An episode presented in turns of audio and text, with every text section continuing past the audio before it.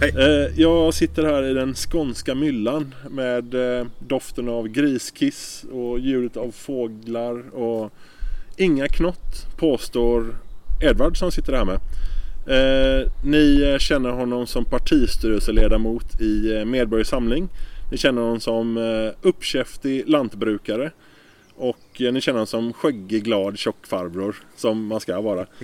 Eh, han är i eh, Medborgerlig Samling så är han talesman för jordbruksfrågor och även för säkerhetspolitik. Eh, och vi ska försöka bena ut lite varför. Varför de har med varandra att göra. Eh, hej Evrard! Hej. Hur känns det att vara här? Du bor ju här. Jag brukar vara... här. det är trevligt att vara här. Eh, ni som lyssnar nu har sett bilden på vår lilla, vår lilla pop-up eh, poddstudio. Med två gamla, eh, vad heter det, plaststolar. Ett bord som hade 7-8 kilo spindelväv på sig.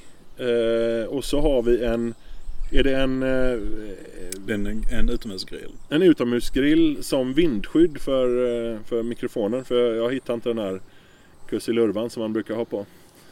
Eh, ja, varför är du med i Prepperpodden? Vad har du med prepping att göra egentligen? Ja. Ehm, var ska man börja? Eh, prepping är ju ett begrepp som någonstans kom in som många av oss har i någon mening sysslat med utan att tänka på att eh, det är ett koncept eller ett begrepp. Mm. Och det har väl varit naturligt i all tid. Eh, och, och fram tills, jag vet inte riktigt när, men inte så många år så har det ju varit en självklarhet för de flesta människor. Fram tills att eh, man vill kanske bli lite överurbaniserad i min mening.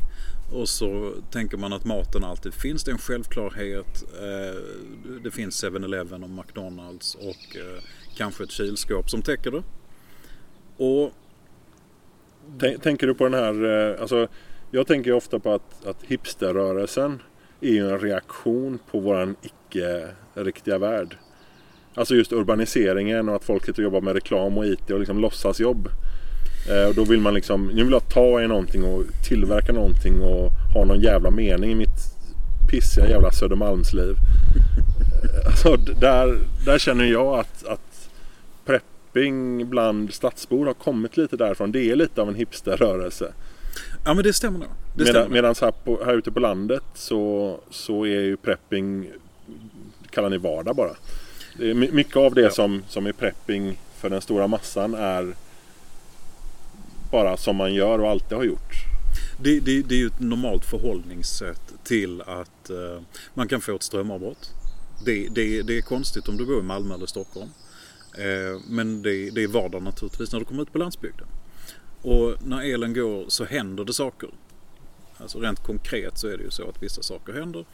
Och det kan vara så att man vill ha eh, lite höjd för att odla någonting eller att man vill ha en annan kvalitet. Eh, Det går aldrig att ta fram samma kvalitet på bulkproduktion. Och det är inte meningen heller. Eh, Och det är ganska lätt att göra på landsbygden. I synnerhet om man är jordbrukare som jag är. Vad, vad är din... Eh, vad, eh, vad odlar du mest?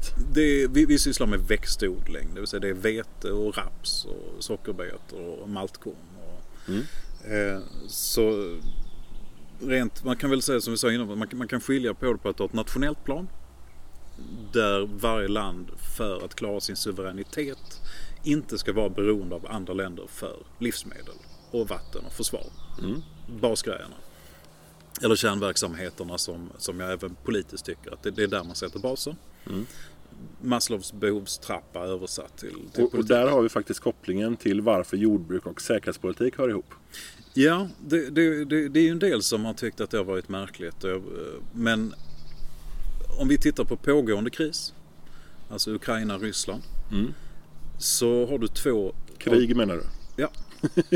ja, men det är en kris för mer Ja, än det är det. de här två länderna. Och det är därför det blir lite extra relevant för oss. Ja, särskilt vete. Ja. Det är ju en stora grejen. Ryssland och Ukraina är några av de tyngsta exportörerna Mm. av eh, vete. Det Var, finns var? Till...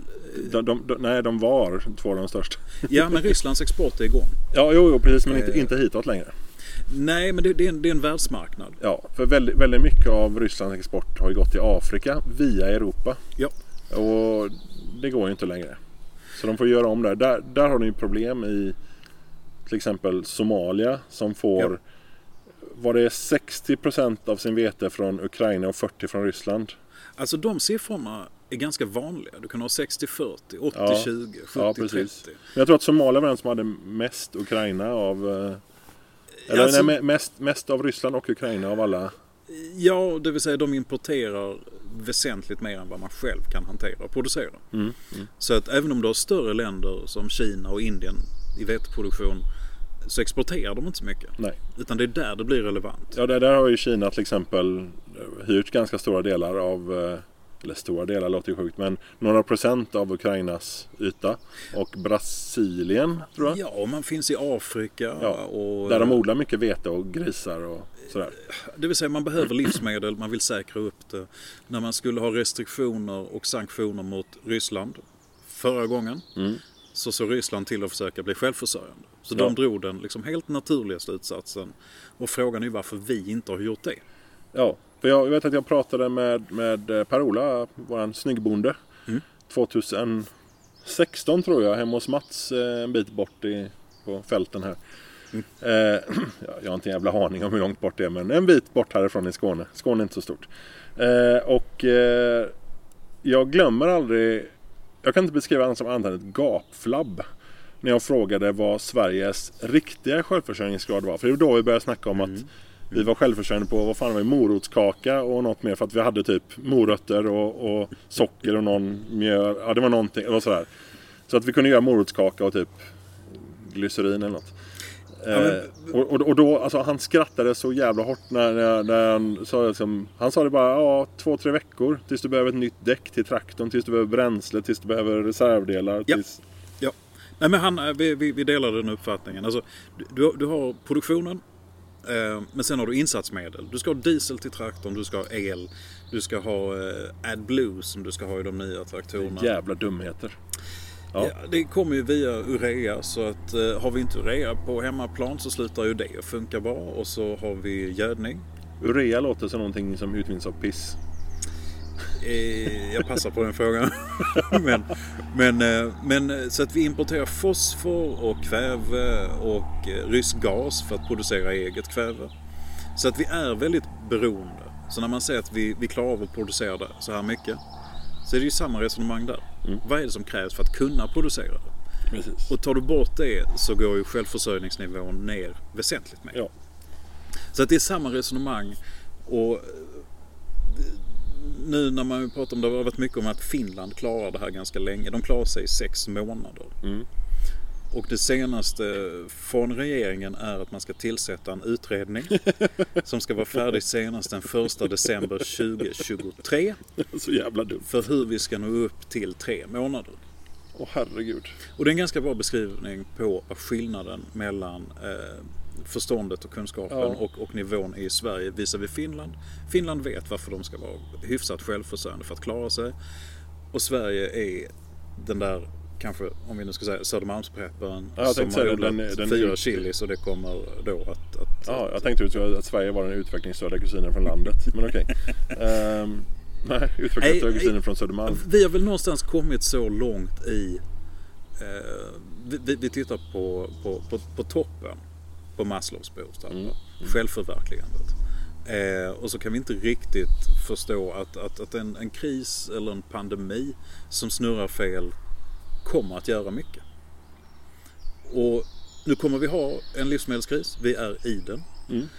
Jag har redan sett eh, bara en sån enkel sak som bröd har gått upp. Alltså va- vanliga eh, vad ska man säga, fabriksbröd har Ja. gått upp 4-5 kronor Ja. bara under våren. Vilket är rätt Men mycket. alla priserna går upp. Ja. Eh, med diesel och eh, gödning och insatsmedel till att en vanlig konsument i butiken kommer att betala mer. Mm. Och så lägger du på lite inflation på det. 119 kronor för ett 24-pack ICA dasspapper.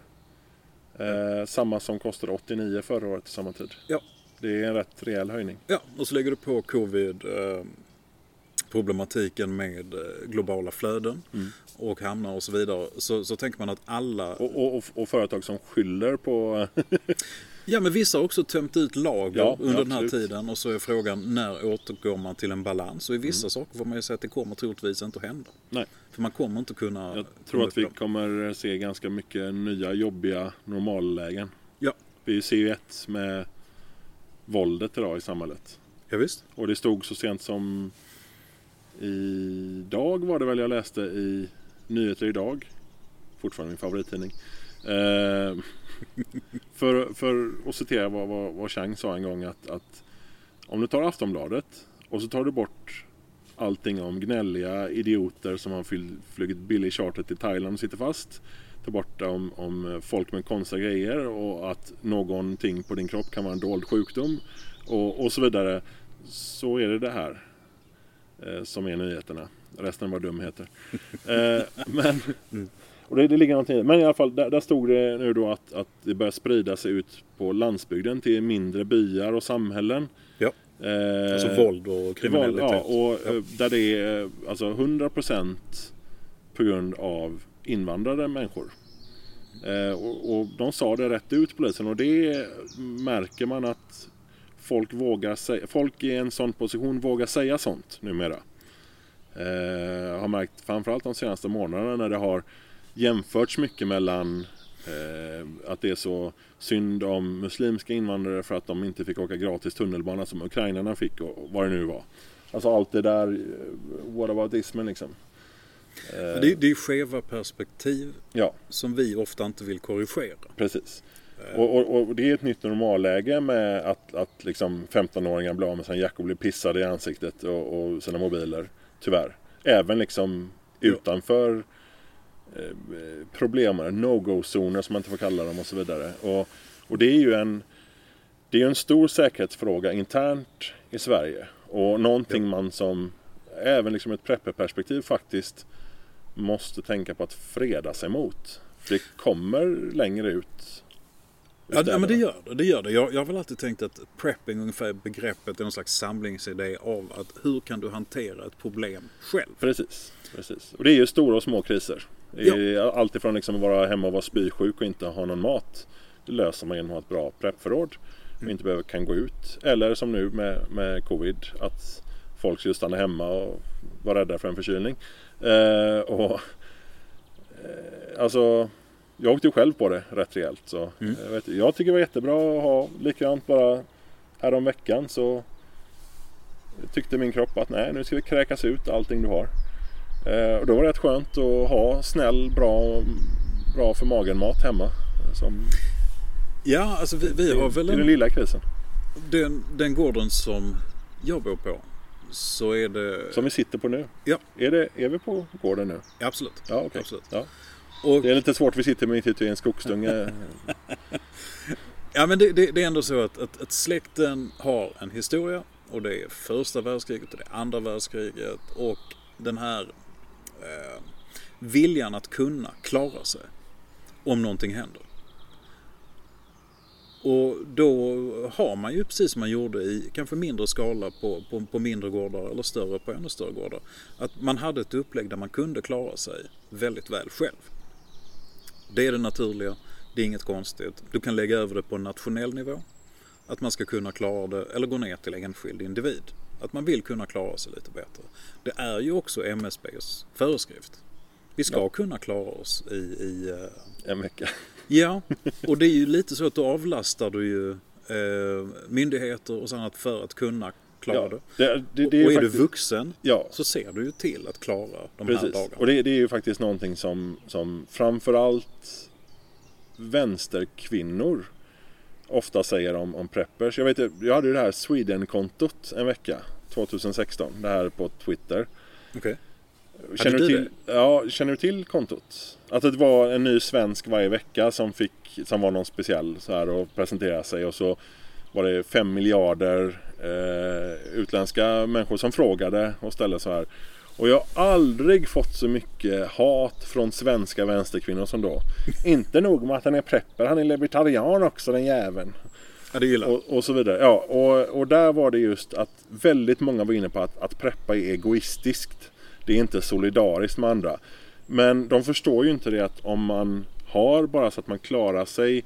För de flesta kriser är små. Det, det, Mm. alltså, det, mesta som händer även på, på samhällsnivå är några dagar oftast. Eh, vilket gör, alltså typ en, en, en vattenläcka eller vad fan som helst. Att det är liksom, Ja. Eller som, som Coops eh, problem där med att de inte kunde betalsystemet var nere och så vidare. Eh, någon vecka. Och där är det så att om du har, är förberedd på en sån grej så, så minskar du belastningen på samhället och eventuellt stat eller kommun. Ja, visst. Eh, vilket gör att de kan lägga det pissdåliga lilla de har på de som faktiskt behöver det istället för, för dig då. Ja, och det, alltså- det är en, absolut en solidarisk handling att, att preppa. Men att, Ja, ja, att, visst, vara, att vara väl, välförberedd själv är snällt mot andra människor. Det är nästan så skulle jag sluta preppa bara för att det är så trevligt mot andra människor. Ja, men det är så att, eh, har du barn, jag har barn. Eh, om någonting är, eh, låt oss säga ett elavbrott i tre dagar, för det har vi haft. Så är det ju min roll som vuxen att det inte händer någonting eh, som är ett jätteproblem. Mm. Utan det ska jag ju kunna klara av. Det är helt naturligt. Det ska ju också vara så att om du har stormen Gudrun och eh, du har elavbrott så ska man ju inte... titta, titta. Det är inte ett knat. Vad fan är det då? Eh, Det finns många andra insekter i världen. Men den är ju liten och poänglös och jobbig och i vägen. Det, Det är det, en sosse. Ja. Eh, nej, förlåt. Ja, barn. vid, vid ett avbrott Mm. så ska man kanske behöva avlasta Agda 79, Ja, inte Bengt 23. nej, precis. Utan Bengt 23 ska se till att lösa det. Och det gör man i god tid innan. Men Bengt 23 jobbar med reklam och har en gurkburk hemma i kylen. Ja, det... det, det, det Bengt är inte vuxen på riktigt. nej men vi är väl inte riktigt vuxna när vi inte kan hantera bassakerna sakerna själva. Och det finns väl ett skäl till att många som har lite mer libertariansk dragning jag har ju lite mer och mer dragning hela tiden Ja. och, och covid har också gjort det när man tänker att staten kanske inte ska göra allt detta. Det finns kanske ingen Eftersom den kanske är ganska värdelös på det för det mesta. Vi betalar väldigt mycket skatt. För väldigt lite saker. Ja, det är ju kärnverksamheterna Ja, som ja. inte funkar. Polis, eh, Ja. skola och men, så. men återigen med barn, vad, vad gör du, alltså om man tar i stora drag. Vad har du för grejer du har förberett hemma som gör att du är bättre pappa än många andra? Alltså så, småsaker. Brädspel, choklad. Eh, vant ungarna vid att faktiskt ha tråkigt ibland? Eller vad, vad, vad har du gjort? Ja, eh, när du har små blessyrer. Var det där ett djur eller var det eh, en, något annat? Eh, det är en fasan. En fasan, okej. Där ute i vildmarken. Det lät som en motor som inte ville starta. en startmotor som var bråkig. Okej, det var inte en startmotor, det var en fasan. Okej, ja. Om man eh, skadar sig lindrigt Mm. och behöver plåster eller någonting eller en liten bandagering. Så är det inte alltid så opportunt att behöva åka in och sitta på akuten i eh, ett 20-tal timmar. Nej, som många gör. Ja. Och är man inte sjuk innan man kommer in till akuten och sitter med alla andra så är det lätt att man kommer hem med någonting. Det Mm. vill säga, det är en sån här enkel grej som man kanske rimligtvis ska lösa själv. Mm. Eh, om det är ett elavbrott, klarar man eh, eh, enkla saker, värmen, lite vatten. Eh, det går snabbt innan man har ett problem med vatten. Mm. Ingenting funkar ju i det läget. Nej. Och då ser man till att lösa det. Man har vatten, man har en ficklampa eller ett värmeljus eller, eller mycket av det. Mm. Ehm, går man upp sen på lite större skala så bor jag på en gård där man har eh, haft de här tankarna på ett helt naturligt sätt länge. Det vill Ja. säga det finns allt från äppelträd till bärbuskar och Som, nötbuskar. som, och- som jag sa i början där, att, att, att det många kallar prepping är eh, bara vardag här ute. Ja, och har varit i svensk historia Mm. sedan väldigt länge. Sverige är ju ändå någonstans byggt av den självägande bonden. Mm.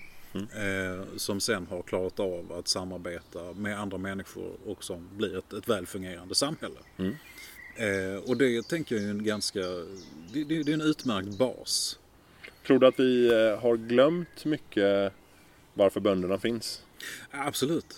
Vi- inte, vi- inte vi, men de.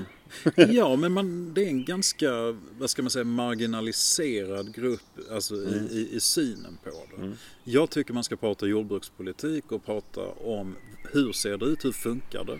Och att vi bönder varit dåliga på det och lämnat det walkover till miljörörelsen. blir, det, blir det inte bättre om man har mindre jordbrukspolitik just? Alltså att de lägger sig i mindre politiker? Jo, alltså nu, nu, lägger man ju sig i extremt. Ja, på allt. Eh, EU-nivån är en, men framförallt nationell nivå vill jag ju tycka. Det, Mm. det är där det slutar funka. Återigen, funkar det i Finland men inte i Sverige Mm. och vi båda är med i EU så finns det ju någonting mer än EU uppenbarligen eh, Ja. som är ett problem. Ja, precis.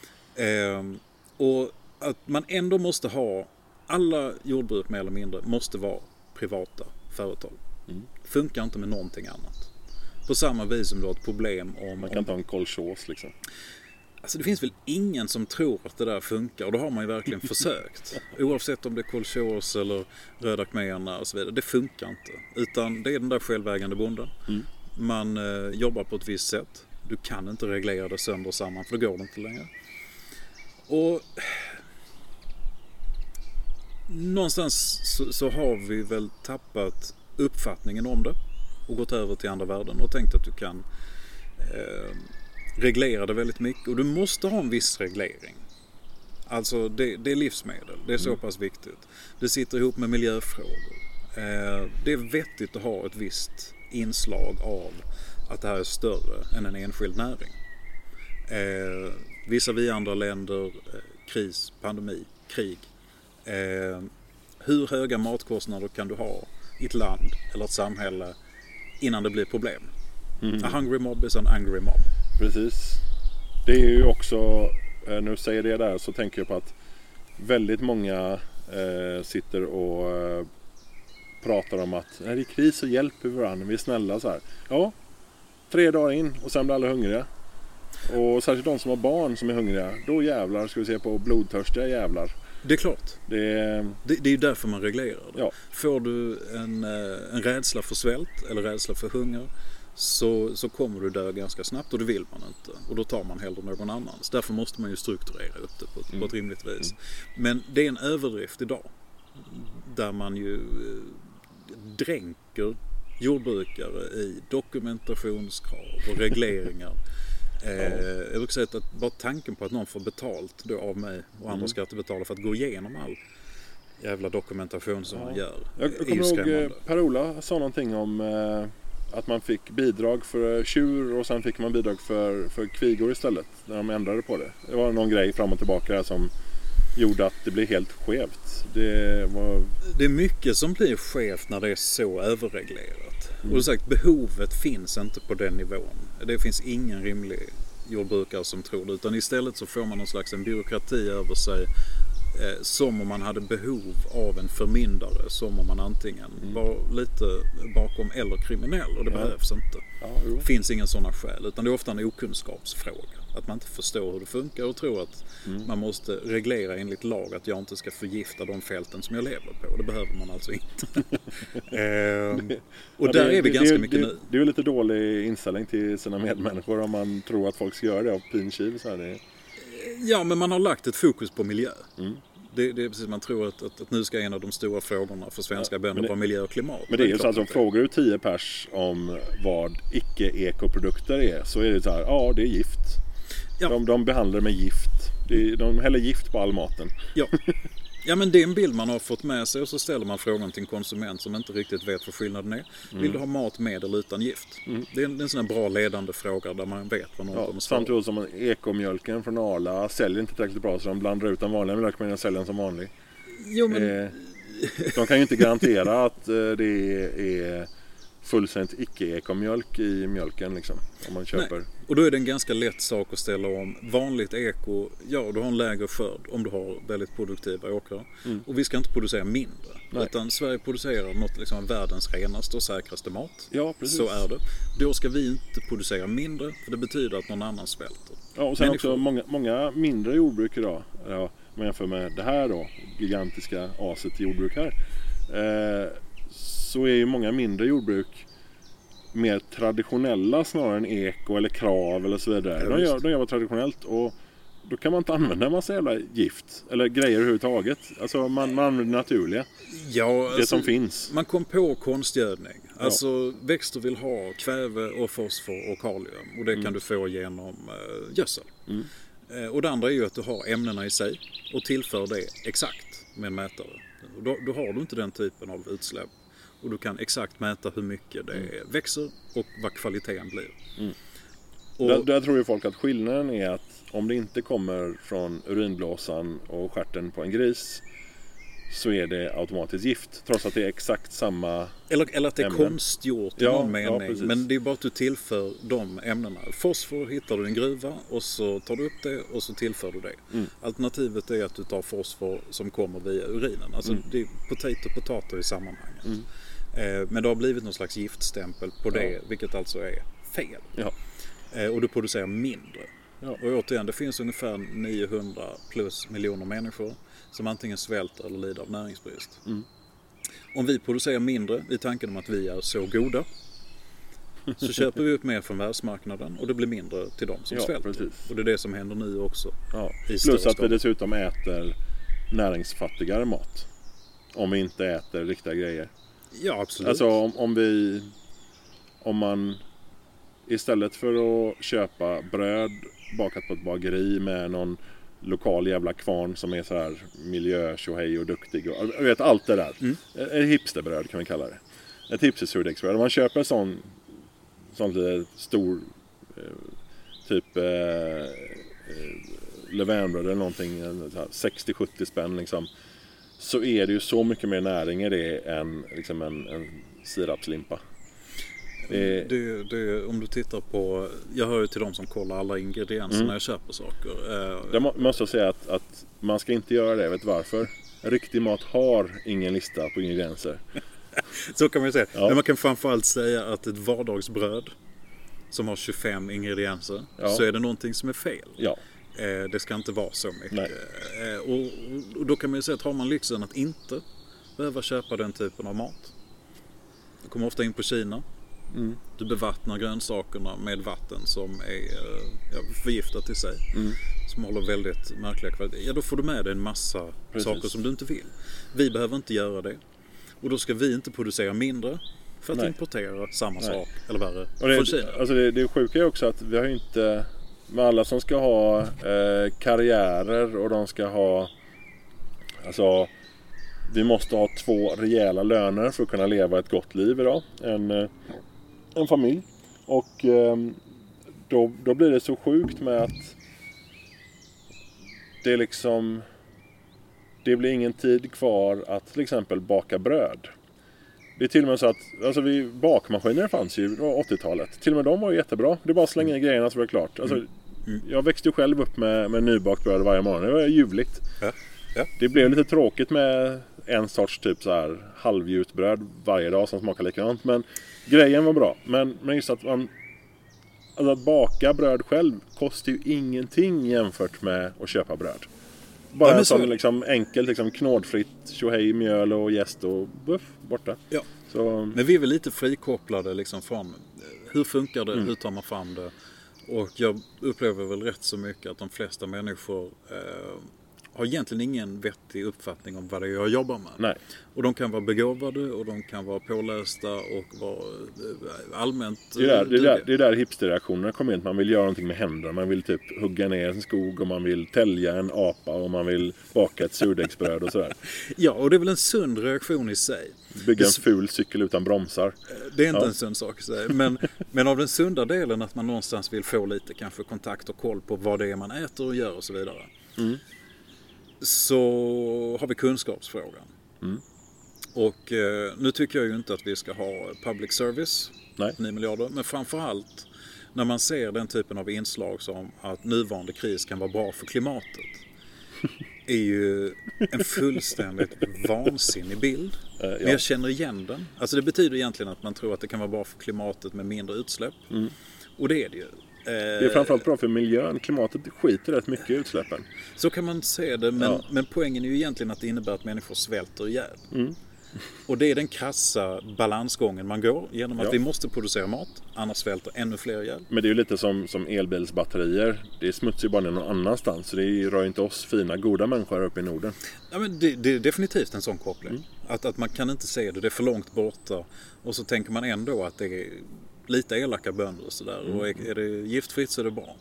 Men gift är ju ändå någonting du definierar enligt mängd. Och det funkar inte så. Nej. Utan man drar fel, eller man drar väl rätt slutsats av fel premisser. Men Mm. det ska vara noga. Och det, är- det är förståeligt. Och jag gillar ju när man kan få vad folk tycker är dumma frågor. Jag gillar när man får sådana frågor. Eh, för då kan man någonstans börja om och säga att "Ja, men det funkar inte så, det funkar så här. Och det är basic. Eh, och vi har väl ganska långt kvar tror jag till det. Men jag tänker ändå att de, många människor vaknar upp lite till en tanke om att vi är för sårbara. Man är det som privatperson, man är det som eh, eh, kanske samhällsmedborgare eller vad man ska säga, då man är det som land. Sårbarheten på den nivån är inte vettig. Eh, världen går inte nödvändigtvis mot att bli mycket mer demokratisk. Eller så är det just den den gör. Och det är felaktiga med the mob rule. Liksom, att alla andra ska bestämma över mig. Som är nackdelen med demokratin. Och demokrati, alltså som i folkstyre, jättebra idé. Men det är det ju inte nu. Alltså det, det är odemokratiskt ju mer demokratiskt det blir just nu med den här typen av demokrati. Det som jag menar alltså att, att, att vi ser ju dagligen hur eh, riksdag, regering, kommuner, regioner och så vidare tar beslut som inte har folkligt stöd. Inte alls Det är, verkligen. det är nackdelen med den här representativa Ja, demokratin. precis. Det- Och det blir ju bara värre och värre.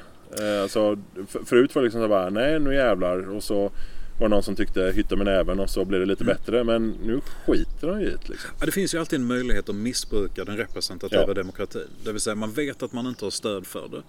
Men man har mandat att göra Mm, det. precis. Och så tar man beslut som saknar stöd. Migrationsfrågan är ju en klassiker. Ja. Det har aldrig funnits stöd för den nivån av migration vi har. Nej. Och det, har- det, Och sär, det sär, finns... Särskilt inte effekterna av den.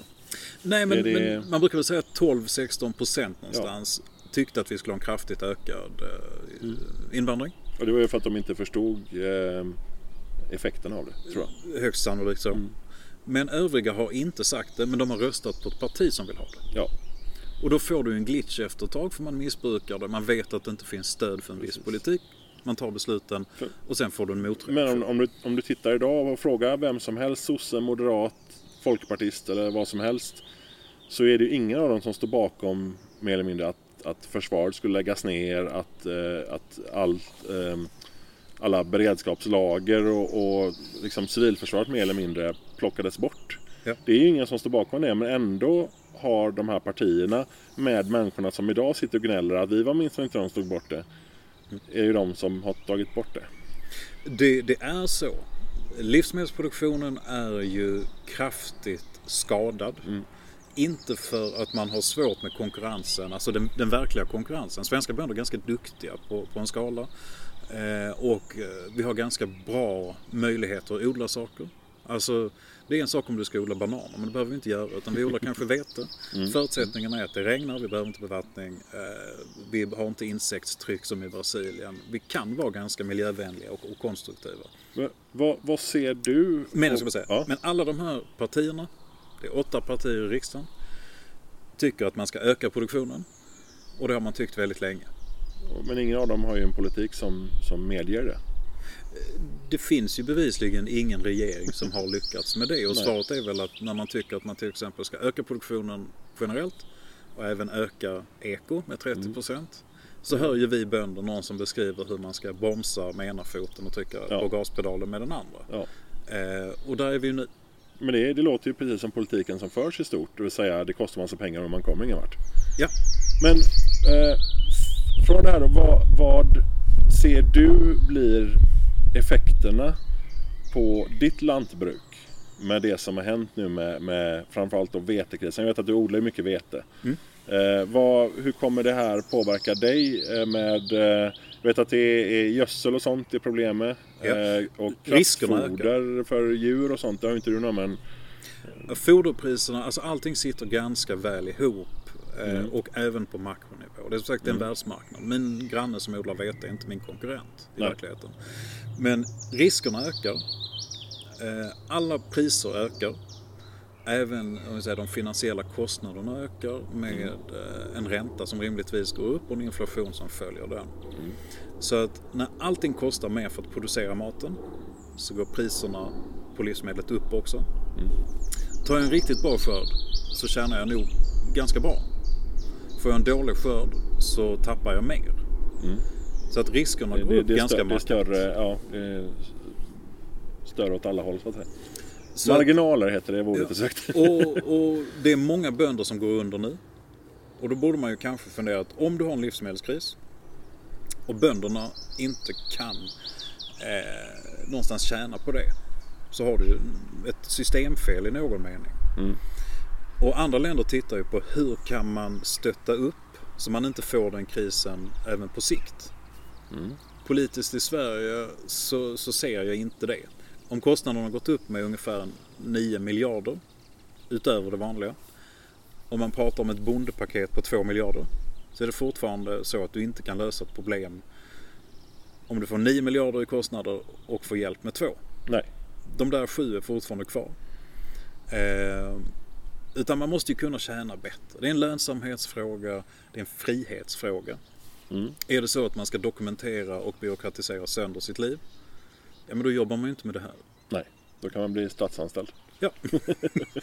då är det inte roligt längre. Nej. Och är det inte roligt så jobbar man inte den, eh, på det sättet och den, de timmarna det, det tar. Nej. Utan då gör man något annat. Har, har du lagt om någonting i dina rutiner och sånt där nu med, med den här krisen? Har du, har du tänkt om? Har du fått dra ner på något, dra upp på något? Eh, tänka om i vad du ska odla och så vidare?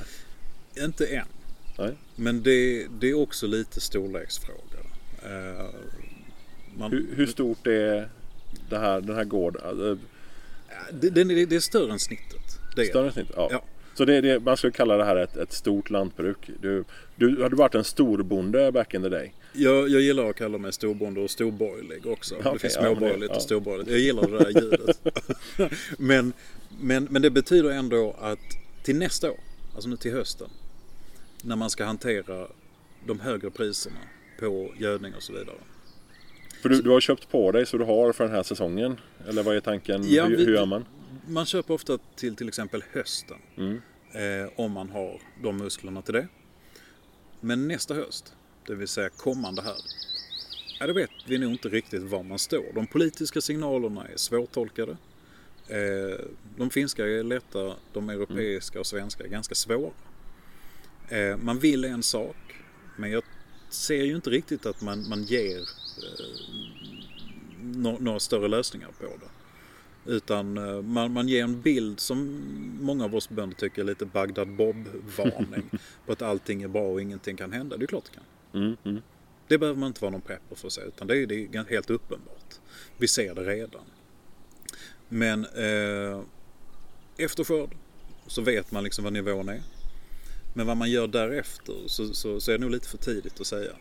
Mm. Alltså har du en dålig kalkyl där du inte kan tjäna pengar på någonting så gör du ju inte det. Vi har hört många Det är ju sån här eh, eh, Vad ska man säga eh, Sånt man har hört Mm. eh, Många Har jag hört eh, En del bönder eh, Odlar inte eh. Eller odlar mindre eller odlar inte den sortens grejer och Ja. skiter i det liksom. Eh, för att det kostar för mycket med diesel och, och så vidare.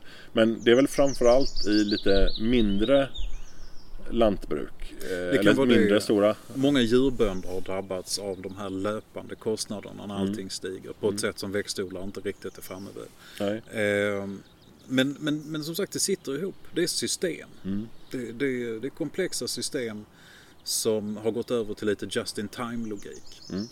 Eh, och de systemen förstör du en nod i det så är det lite som att förstöra en länk i kedjan. Mm. Det är inte så att det bärs upp av det andra utan du får lite av en, någon slags dominoeffekt i slow motion. Mm. Så att jag tänker väl att eh, det är möjligt att det funkar ganska bra. Men jag hade ju aldrig spelat på det som, om vi talar om politiknivå. Nej, nej, precis. Som jordbrukare så är det jättebra om det blir allmän svält. Bara jag har en liten privatmilis. Så, så är det ju jättebra för mig. Mm. Mm. Eh, det är ju det som är grejen. Det är därför med- du har många barn alltså. Det är därför jag har mycket vapen. Men Ja. det, det, det finns alltid, vid livsmedelsbrist så uppstår en konflikt. För, följden för dig är ju att rätt lite av det du producerar går att äta i sin form på fältet. Det, så är det ju. Man Mm. skickar det vidare. Jag odlar det, det går vidare. Man gör mjöl av veten, Mm. man gör öl av maltkornet och så vidare. Jag skulle ju kunna ställa om för mer privat bruk. Mm. Eh, men det är ändå så att man odlar någonting som ett tusental personer kan överleva på ett år. Mm, ja, precis. Får man inte den kedjan att funka så trillar ju allting. Och det är där vi är så känsliga. Skulle du, alltså eh, eh, raps som du odlar som eh, är Alltså det är lite mindre nödvändigt än, än vete. Om du förstår vad jag menar. Alltså Ja. vete har större eh, idag större applicerings eller applikationsgrej. Eh, men skulle du till exempel, ja okej nu skiter det sig, nu ställer vi om till havre. Kan du göra det ganska snabbt liksom? Kan du bara välja att odla det ett år? Eh, skulle det... Du får lite samma problem. Ja. Eh, funkar inte det ena så funkar nog inte det andra. Nej, nej jag, jag, jag, tänkte, jag, tänkte, jag, delvis- tänkte mer, jag tänkte mer eh, sädeslag överlag. Kan du bara växla eh, du vid, kan- vid behov eller, eller har du liksom... Man måste ha en växtföljd. Ja. Du kan inte odla samma sak på samma fält utan att du Nej, får så man, man, man, får, man får rotera och Ja. sånt där. Men, men jag, jag tänker liksom eh, sädeslag som du idag inte odlar. Mm. Eh, kan du odla det? Alltså säg att det blir alla måste äta gröt så du odlar bara havre. Du, skulle du kunna, förutsatt att, att du inte odlat havre där eller växt, växtföljden inte är skev och sådär. Skulle du kunna odla lika mycket havre idag som du odlar vete igår? Det är lite marginella förändringar. Ja. Till viss del Är, så ja, kan man är maskinerna samma? Alltså är det samma hantering och sådär? hyfsat på Mm. de stora. Den ska du använda samma. Utan det är, det, det vad ska man säga, följd... Eh, vad heter det? Alltså produktion, alltså eh, Förädlingen. ja precis. Meck, meckandet. Ja, Ja. Det, där skiljer det sig. Eh, men i stor skala så, så är det återigen, vi är, vi är smärtsamt sårbara. Mm, Om någonting slutar funka. Och det räcker med att vi inte har diesel. Mm. Då stannar allting. Har jag inte diesel till skörden så kommer ingenting att bli skörden. Nej. Har du, har du märkt av, alltså känns det ordentligt de höjda dieselpriserna för dig? Eller är det, har du fördelen att du inte kör så mycket maskiner medan allting växer? Eller hur? hur Nej, så kan man i och för sig säga det. Men när man väl gör det Ja. så kan man inte ha, alltså man kan inte ha den här typen av eh, kostnader. Nej, nej, nej Det, det, det, det är helt orimligt. Ja, men eh, ehm, jag kan tänka mig att det är väldigt mycket mer eh, för, en, för en mindre lantbrukare eh, med, med, att, att det blir en större känning för det. Det går ju snabbare. Ja, Det går ju snabbare. ja, precis. För att om, om, du, om du liksom har 30% högre bränslepris så är det fortfarande en ganska liten del av hela din operation. Liksom. Det är så jag tänker. Ja, det är fortfarande jävligt mycket. Väldigt. Alltså, är det en stor kost- alltså är, är Ja. bränslet en Ja. väldigt stor kostnad av... eh, Bränslet är en tung kostnad. Men då blir det ju som sagt Det är det därför ännu ser- värre för de mindre då. Ja, Eh, Nej, nej, men de känner av det snabbare. ja okej. De känner av ja. det snabbare. Problemet är att när det når de större och om de större väljer att avbryta. Då är det ett problem. Okej. För då händer väldigt, väldigt mycket. Ja, då blir det kedjan där. ja. Men det är dålig politik att se till att det finns ju inget egensyfte att små jordbruk ska trilla undan. Eh, Det finns ju politiska syften om man vill centralisera allting och ja, men det är ganska göra du- kolchos över hela landet. Ja, men det kommer aldrig gå. Jag, Nej jag, men det, är- alltså det, vi vet att socialismen kommer aldrig fungera och ändå försöker de hela tiden om och om igen. Ja, men jag, jag, jag tror att man blandar ihop det här med vad som är dumt och eh, vad som bara händer för att man inte har en, en, en, en tanke. Och vi har inga speciellt genomgånget långa tankar som är en konstruktion till politik. Nej. Och sen sitter man plötsligt i den skiten och säger man att man har varit naiv. Och så tänker många väljare att ah, men det har jag också varit. Då får vi rösta på dem igen. Och så får man samma problem. Och så tycker man att det hela kanske är ett mysterium. Och, eller så röstar man i ett system där resultatet alltid blir samma oavsett vad man röstar på. Jag, jag, det, jag tänker på Alliansens åtta år vid makten som bara så här, jaha? Hände ingenting med något. Där och det fanns- lilla som hände togs bort igen på en vecka. Där fanns väl vissa positiva saker men man grundade ju också nya problem och Ja. grundmurade en del Ja, ja. av dem. Absolut. Och det borde sen, man sen tänker jag på Medborgerlig Samling då. En av mina favoritgrejer är det här bort med de här 60 myndigheterna. Ja. Den här listan. Ja.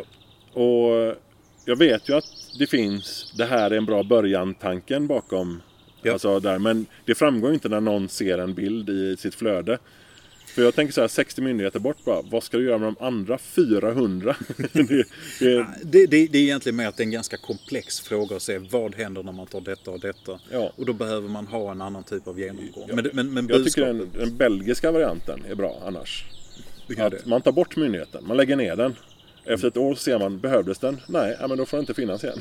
Ja men det finns för mycket som inte behövs. Som är Ja. ren byråkrati. Ja. Och det gör inget positivt. Precis. Eh, ja, men det, det, ja, alltså det, alltså, jag kan ju säga att Medborgerlig Samling, det, det är ju en, det är en samling av människor. Allt ifrån ganska så eh, gubbiga tråksossar till eh, galenlibertarianer som jag. Eh, så det finns ju det är hela, hela spektrat. Och det är så att det är ett relativt nytt parti, det behöver rensa ut lite skit här och där vet vi ju när Eh, vad hette det? Bor, borgerlig framtid eller vad hette det? Men det börjar där och sen... blev- Medgörligt samlag. Alltså jag har hört alla de där Ja, ja. dåliga jävla... Men... För det var ju någon före detta ordförande eller någonting som blev sur och tog över den ena och så försvann det och så blev det andra medborgare samling. Det var jättekonstigt.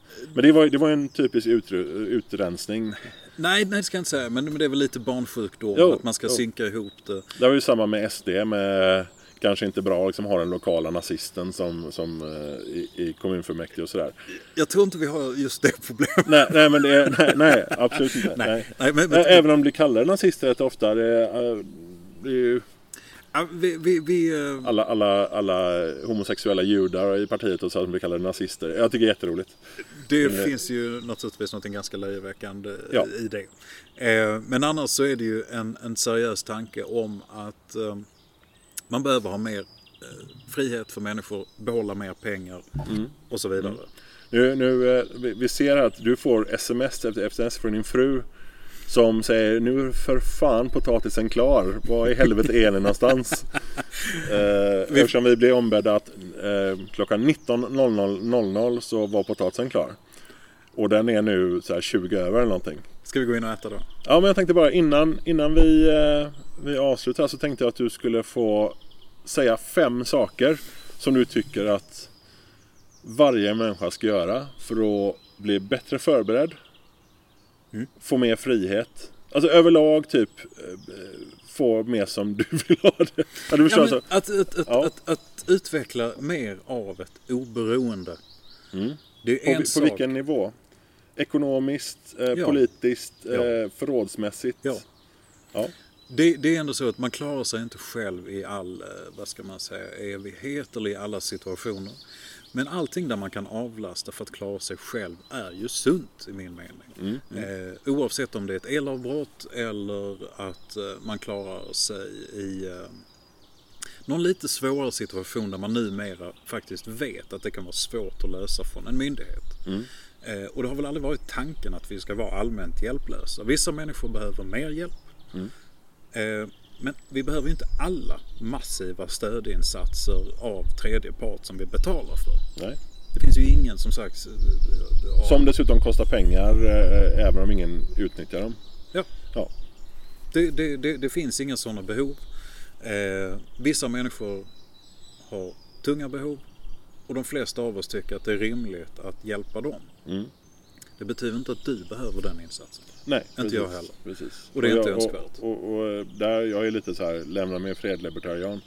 Eh, just Ja. att, att eh, jag behöver inte så här. Ja, vad ska folk mer göra? Vad, vad ska de göra? Eh, någon som bor i en storstad i en lägenhet och inte kan flytta på sig. Vad, vad kan de ta för åtgärder, vidta för åtgärder för att Du bli kan- lite mer preppad på alla sätt och vis? Jag tänker att det finns väl utmärkta listor och så vidare på, på vad alla de här enkla sakerna är. Men har du inte vatten och lite värme och, och då menar jag hjälplig skala. Mm. Eh, om du inte ens vet att du klarar en dag själv, ja men då är det ju något som har gått ganska fel. Eh, om du är vuxen. Och är du vuxen och har barn så har det gått ännu mer fel om Ja. du inte har förstått det själv. Ja, Eh, Så de vanliga tycker jag vatten, värme, lite mat, lite enkla saker som går att rotera ut. Det är inget konstigt att ha lite konserver hemma. Du har inte tagit det från någon annan. du, du kan köpa det. Om någon vill hoppa på Gröna vågen 2.0 och fucka off ut på landet. Mm. Vad tycker du? Alltså hur tycker man ska göra? Ska man försöka hitta ett ställe att hyra eller ska man liksom ta hela sina eh, investeringar och köpa ett ställe direkt? Eller ska man känna in sig? Ska man börja med att flytta ut till en mindre stad? Ska man eh, liksom börja mjukt eller ska man bara gå all in? Eller vad, vad, Det, det går knappt att köpa en liten gård och bli självförsörjande om du inte har rejäla finansiella muskler. Eh, en traktor kostar pengar. Hela den kedjan är nästan omöjlig. Men man kan alltid till exempel odla lite själv Mm. eh, om man vill flytta ut. Och jag tror att vi har en ganska uppenbar grön våg. Mm. Bara det att den kanske inte är bara grön utan man, man flyr otrygghet. Den är blå också. Ja. Ja, så- ja men du, du har, du har en Ja. säkerhetsfråga.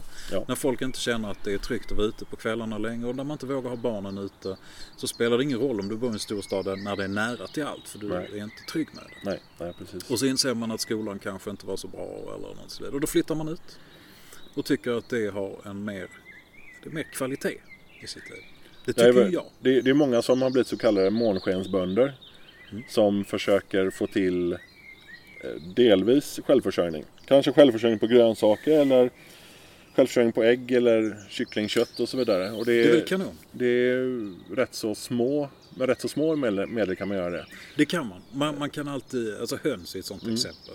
Jag har lite höns eh, bara för privat bruk. Det är liksom en, en kvalitetsgrej, det är trevligt.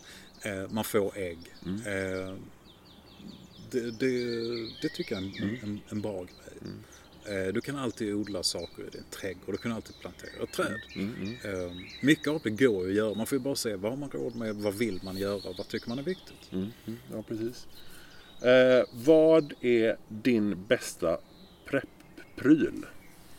Alltså en sak som är den absolut bästa och kanske lite otippade grejen. Har du någon sån grej? Jag kan ju berätta vad jag har. Eh, dörrstoppar i gummi. Hade jag alltid i min väska med mig när jag bodde i Amsterdam. Eh, det var ju ganska mycket terrordåd och terrorhot ehm, hot då på, på städerna, storstäderna i Europa. Mm. Och tanken var där att tillsammans med en liten eh, Hultafors, eh, ett litet bräckjärn på 20, nej 30 centimeter. Mm. En sån kan man ta upp en sån anläggningsdörr, lite tjockare dörr. Eh, eh, rent eh, hypotetiskt då. Eh, och ehm, för de är ju låsta utifrån. Alltså så här, man, man, man måste låsa upp dem från båda hållen. Mm. Eh, så om man sitter på tunnelbanan till exempel och behöver ta sig därifrån så kan man ta sig in i dörrarna som finns där ganska enkelt med en sån. Och då är en dörrstopp bra. Dels för att eftersom de är låsta mot varandra, det vill säga du har ytterdörr mot ytterdörr. Så då vill du inte bli instängd någonstans. Eh, och dels så är det bra att sätta så att dörren inte går att öppna för någon annan. Så dörrstoppar, det var min konstiga prepp faktiskt. Har du någon sån pryl? Alltså jag tänker mig att väldigt mycket hagelpatroner och några hundra hektar vete eh, är- är bra. Så du kan Eh. skjuta all din gröt eller ditt bröd. Ja. Nej, Jag har nog ingen sån Kan du inte skörda med traktor kan du åtminstone skjuta skiten. Ehm, nej, jag, jag har inte tänkt på det så. Jag tänker att man har en slags helhetssystem Mm, okej. som gör att man kan klara de flesta situationerna på en rimlig tid. Ja, hur, länge, hur länge skulle du överleva att bo i en storstad? Det är mycket svårare. Ja. Tänk att det, i- imorgon tar du familjen och så flyttar vi in till en fyrarummare i Malmö. Om vi inte blir vräkta på grund av ljudnivån som vi är för. Och eh, det räcker ju att du har ett elavbrott i en stad. Som sagt, vi hade det i tre dagar här. Det var lite mäcket men det var inte mer än så. Om du har elavbrott tre dagar i en stad så eh, har du ju jätteproblem. Det är där du får liksom en zombie apocalypse nivå på problemen när vissa människor eh, Det går mycket inser- fortare där. Ja, Ja. du inser att det är ett problem. Och så är du i en större stad och då får du en helt annan typ av problem. Det kan vi se på problemen som finns i större städerna idag som börjar läcka ut på landsbygden. De är fortfarande mycket större i städerna. Även alltså, ja, eh, visst, ja visst. det blir bara större. Jo, men du får inte ett upplopp på landsbygden för att du har elavbrott. Men det Nej. kan du mycket väl få i en stadsmiljö. Ja, det, det hände ju i någon Stockholmsförort för några år sedan. De, de slog sönder alla huset hem, eller alla fönstren på Hemköp för att det var ett strömavbrott i en timme. Ja. Så, så, Eh. sådana problem kan du få. Så det är svårare att vara prepper i, landsby- eller på, i en storstad. Ja, Men det är också så att människor i en storstad inte tänker att någonting kan hända. nej, Som gör att de är ju väsentligt sämre förberedda precis. för även små, Mm. små problem. Och de flesta problem är små. Det kan man ju avhjälpa ganska duktigt. Alltså. Mm. Men, eh, Ja, men vad bra. Vad trevligt. Jag måste säga det är, det är sjukt nice att sitta där ute. Även när det luktar gris, kiss och bajs. det gör det inte. Det gör det visst det. Du menar det är rapsen troligtvis? Nej, om, om grisarna har kissat på rapsen så kan det vara rapsen som luktar. Okej, det, det kan vara det. Men det är... Jag är imponerad också för det är så röv mycket pollen ute. Jag är inte helt igenkletad. Sorry. Ja, alltså det, det brukar... Jag brukar sitta och nysa när jag sitter ute i naturen så här års. Men ni har nästan sommar här nere å andra sidan. Det är ju knappt vår uppe där jag bor. Jag vet inte varför du bor där uppe. i- Det, det är någon slags Lapplands eh, gräns. Ja, precis. Lapplandsgränsen. Eh, södra delen av Sverige bor jag. Nej. Jo, det gör jag. Jag bor i södra delen av Sverige. Du bor i södra Sverige. Det är en stor skillnad. Vad menar du att, att gränsen går där? Ja, den, den går vid, vid Östersund. Halmstad. Östersund. Ja. Allt under Östersund är södra delen av Sverige. Du sitter här och ljuger ändå på något Ja, ja det. Ja, nej, det, är, det är väldigt trevligt här faktiskt. Uh, blir lite avundsjuk på... Lite så här Lejonkungen, allt du ser här är ditt. lite så. Nu sitter vi i en skogsdunge Ja, just nu ser vi inte. Jag, jag, ser, men- jag ser lite lador och, och, och ser en bil som står parkerad här mitt i allt det gröna. Ehm, ja. ja. Egentligen må man bara låta den här stå och spela in fågelsång och kvitter typ en kvart till så kan vi gå härifrån. Det är väldigt trevligt här. Det är enormt eh, trevligt här ute faktiskt. Men eh, sill och potatis som det anstår eh, en skånsk middag är på tapeten nu. Det låter bra. Eh, potatisen lär ju typ vara kall nu. Eh, Potatisen har varit klar. vi kan säkert lösa det. Man kan värma den menar du? Ja. Ja, det, det vet vi hur man gör. Det ja. ja, nej, tack så mycket för att du var med. Tack Eh, själv. Och tack för att jag fick komma hit. Eh, Och eh, det får vi göra om. Det gör vi. Vi har ju fler poddar man kan prata i. Vi tar det. Eh, Så eh, nu åker vi och äter sill tycker jag. Ska ta stänga av den här apparaten så eh, ja, till nästa gång. Ha det bra. Tjing tjing!